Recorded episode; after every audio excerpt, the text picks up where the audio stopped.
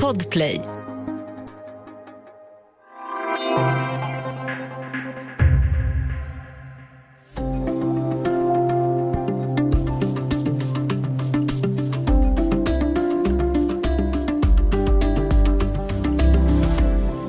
Anställda och tidigare anställda på Facebook har slagit larm om att företaget i hög grad ignorerar kunskap om hur algoritmerna slår.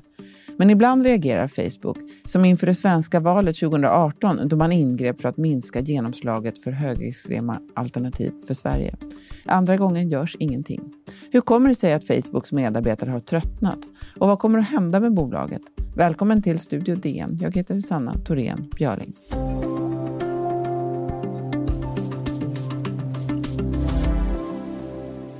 När förra året avskedades Sophie Chong från sitt jobb som dataanalytiker på Facebook. Hon är en av flera visselblåsare som har trätt fram på senare tid. En som har intervjuat henne och också bevakat Facebook under lång tid är Dagens Nyheters techredaktör Linus Larsson. Honom har vi med oss idag. Välkommen Linus! Tack så mycket! Du, dataanalytiker, det kan i mina öron vara nästan vad som helst. Vad var eh, Sofie Chongs jobb? Ja, hennes jobb gick ut på att hitta falska konton, fejkade gilla-markeringar och, och, och, delningar.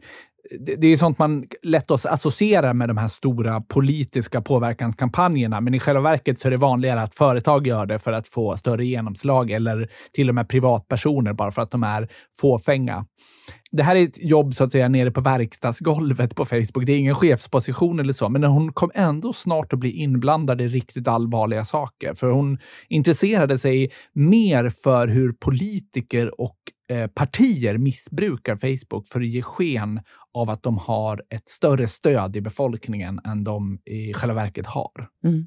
Och så reagerade hon då på att Facebook inte vidtog åtgärder när regeringar i en rad länder då försökte vilseleda väljarna eh, inför ett val, som du beskriver här.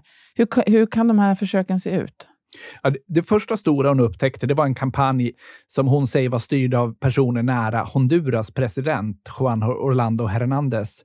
Eh, hon hittade ett nätverk av tusentals falska profiler skapade på ett ganska finurligt sätt som såg ut som folk från Honduras som bara älskade sin president eh, över allt annat. Men i själva verket så fanns de här personerna inte.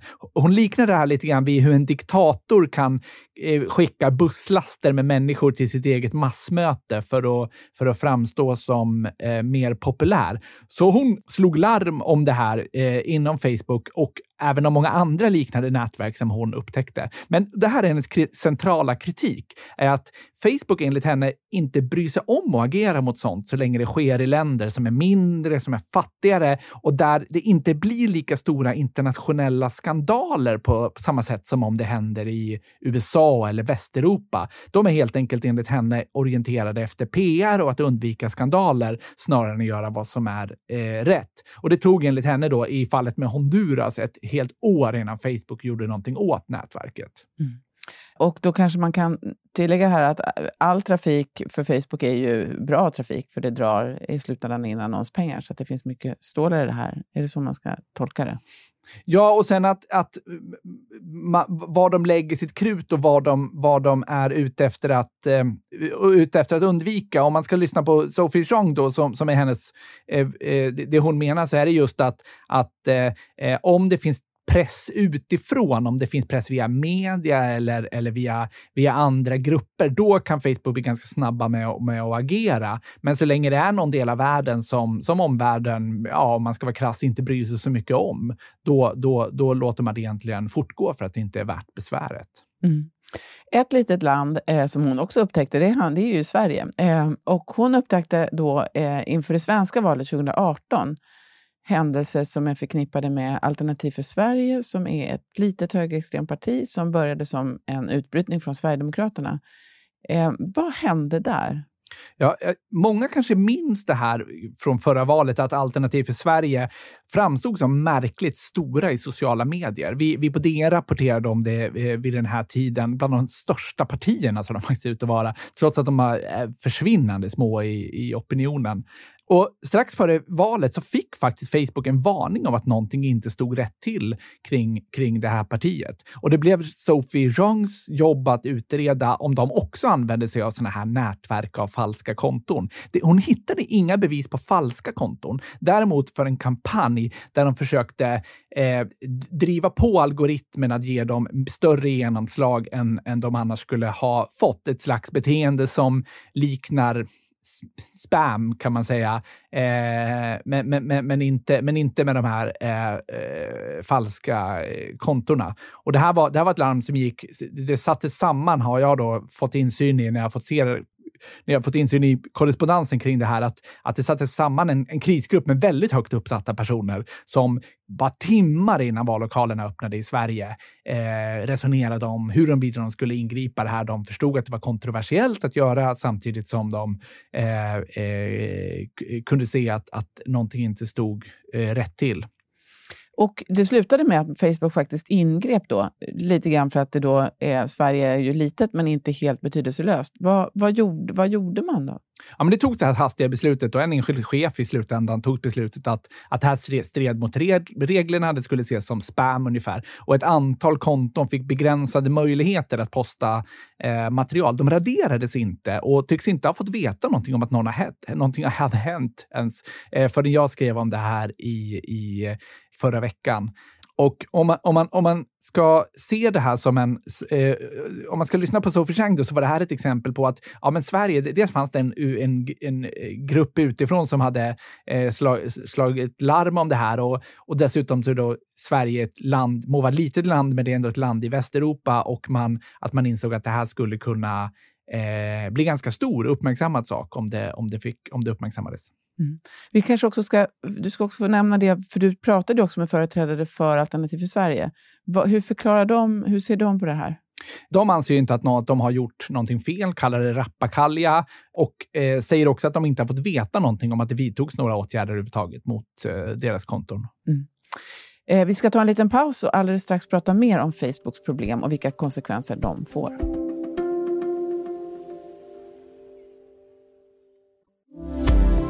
Studio DN idag. Vi pratar med DNs techredaktör Linus Larsson om Facebook och händelserna där. Facebook är ett bolag som har 2,8 miljarder användare. Det är 60 procent av världens internetanvändare.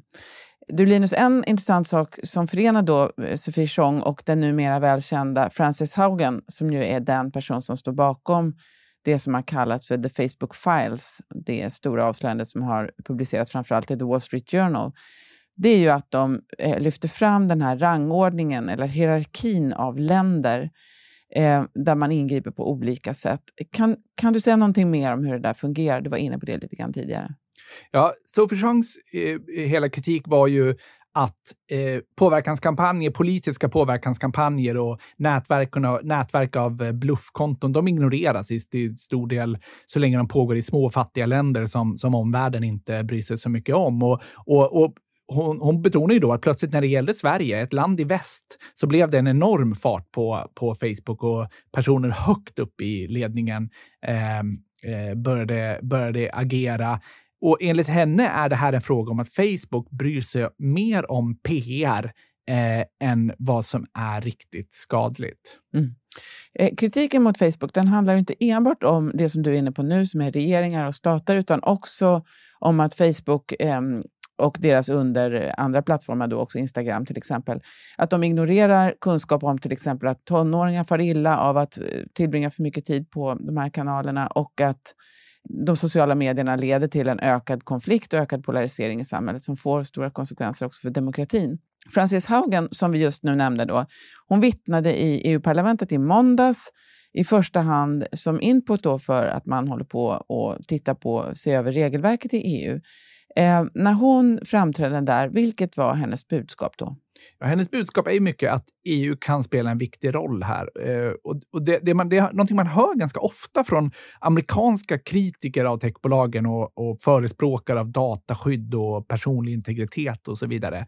GDPR till exempel, de här europeiska lagarna för hur privat information får behandlas, lyfts ofta fram av amerikaner av det slaget som en riktig förebild. Här associerar väl många det som mest eh, det är att man måste klicka på väldigt många sådana godkänd kakor-knappar eh, på på, på, på, på sajter. Men, men, men, men, men det ser ofta ut som att amerikanska kritiker ser på EU som, som en eh, eh, möjlig förebild när det gäller de här frågorna. Kritiken mot Facebook är ju väldigt massiv då, men den är ju egentligen inte ny. Det är ju sånt här, mycket av det här känner vi ju igen från tidigare både journalistiska granskningar och, och även av andra organisationer och så, techforskare. Hur har Facebook bemött den här kritiken? De bemöter den genom att betona hur mycket resurser de lägger på, på säkerhetsarbete av, av eh, olika, eh, olika slag och, och, att motarbeta politisk manipulation och, och, och, och betonar att de inte alls skulle ha någonting att vinna på att debatten polariseras på nätverket eller att de får sina användare att må dåligt och så vidare. Eh, men, men sen måste man också säga att de har bemött det genom att försöka prata om annat. Till exempel att ägarbolaget eh, nu helt nyligen byt, har bytt namn till Meta. Eh, och det här eh, kan man ju tolka på en väldigt massa olika sätt, men jag tycker ändå det ser ut som åtminstone delvis ett försök att distrahera eh, och föra över debatten och bevakningen på någonting annat än de här läckta dokumenten och anklagelserna från personer som Francis Haugen och Sophie Zhong. Mm. Det brukar ju vara svårt att nå kundservice och så för vanliga användare på eh, de här stora bolagen. Men även för medier så kan, är det ju ofta svårt att få intervjuer med, med företrädare som har någonting att säga till om. Eh, vad, är, vad är dina egna erfarenheter av att söka kontakter eller intervjupersoner inne på Facebook eller motsvarande? Det går absolut för mig att kontakta Facebook. Däremot så är de ju, de håller ju sin, sin externa kommunikation väldigt, väldigt strikt och man får ju bilden av ett väldigt, väldigt hierarkiskt eh, företag. Så är det ju i regel med stora amerikanska börsnoterade företag, så det är inte unikt för Facebook. Men man, man ser ju också hur de har eh, efter alla dessa skandaler så har, har, har, det, har det liksom kanske ännu mer stramats upp och, och i regel så får man ett skriftligt uttalande som är eh, kanske levereras på svenska men liksom har godkänts av eh, personer högt upp i, i, på det amerikanska huvudkontoret eller, eller möjligtvis, det, möjligtvis det, det, det, det, europeiska. Det, det, är inte någon, det, är inte någon, det är inte några spontana intervjuer som ges åtminstone. Nej, men om de kommer då med sådana här skriftliga eh, uttalanden, hur mycket av det är bara eh, corporate snack och hur mycket är verkligt innehåll, skulle du säga? Ja, det, det, är väl vad det är. Liksom. Det är vad man får ut av dem. Det, det, vi, vi, de har ju samma rätt. Bevakar vi dem kritiskt så har de ju samma rätt att bemöta det som alla andra naturligtvis. Så, att, så, att, så att jag, jag citerar ju det de, det de, det de eh, eh, säger. Men skillnaden mot att få en riktig intervju är att man har inte samma möjligheter att ställa följdfrågor och så vidare. Och, eh, utan det, det kommer ju mer... Eh, eh det blir väldigt begränsat. Mm. Eh, den här omgången kritik som har varit de senaste veckorna, den verkar ändå ha tagit ganska hårt. Hur kommer det sig, tror du, att det eh, händer just nu? Alltså, Frances Haugen var ju inte vem som helst på Facebook. Hon hade en ganska tung roll och dessutom flera andra positioner och en bakgrund på Google och så vidare. Det gör det väldigt svårt att vifta bort. Och dessutom har hon lämnat en enorm mängd dokument till media, men också till amerikanska politiker. Eh, hon är själv väldigt välformulerad och, och, och, eh, och har ha, ha lätt att föra fram sitt, sitt budskap. Så jag skulle nog säga att det här är den största krisen för Facebook åtminstone sedan Cambridge Analytica, eh, Cambridge Analytica-skandalen som uppdagades eh, för ett par år sedan. Mm. Eh, och i, inom EU då till exempel, ehm, så diskuterar, och även i andra länder, då, så diskuteras ju någon typ av reglering eller åtgärder på olika sätt. Ehm, vad, vad pratar man om? Ja, det finns ju en, en rad olika aspekter av reglering av Facebook. Dels är det liksom det, eh, att, att, att de är så stora. Vissa kräver att de ska delas upp i flera av konkurrenssynpunkt eller för att, för att inte göra det till en sån enorm mäktig bjässe som det, eh, som det är. Annat handlar om specifikt hur information hanteras, integritetsfrågor, eh, eh, eh hur, förpliktelser vad gäller falsk information och ansvar för, för, för att det sprids ja, konspirationsteorier till, alltså det finns en uppsjö av olika regleringar, men det finns, det finns ett par processer inom EU då som, som, som rullar på. Vi får väl se exakt var de, eh, var de landar. Men det, det är i alla fall febril aktivitet både i USA och EU kring få, frågan om, om ett företag som Facebook i högre grad ska eh, regleras och inte bara förväntas eh, utföra någon form av självreglering. Men eh, å ena sidan så kan man ju säga att det skulle vara att det ser självklart ut att man ska reglera eh, såna, den här typen av väldigt extrema påverkanskampanjer eller extremt polariserande material på olika sätt. Men det är ju trots allt en balansgång här och inte minst vi journalister brukar ju hålla yttrandefrihetens fana högt. Eh, det är ju en balans mellan yttrandefrihet och regelverk och, och också för att undvika godtycke här. Hur, eh, hur, hur går de här diskussionerna? Går det där ens?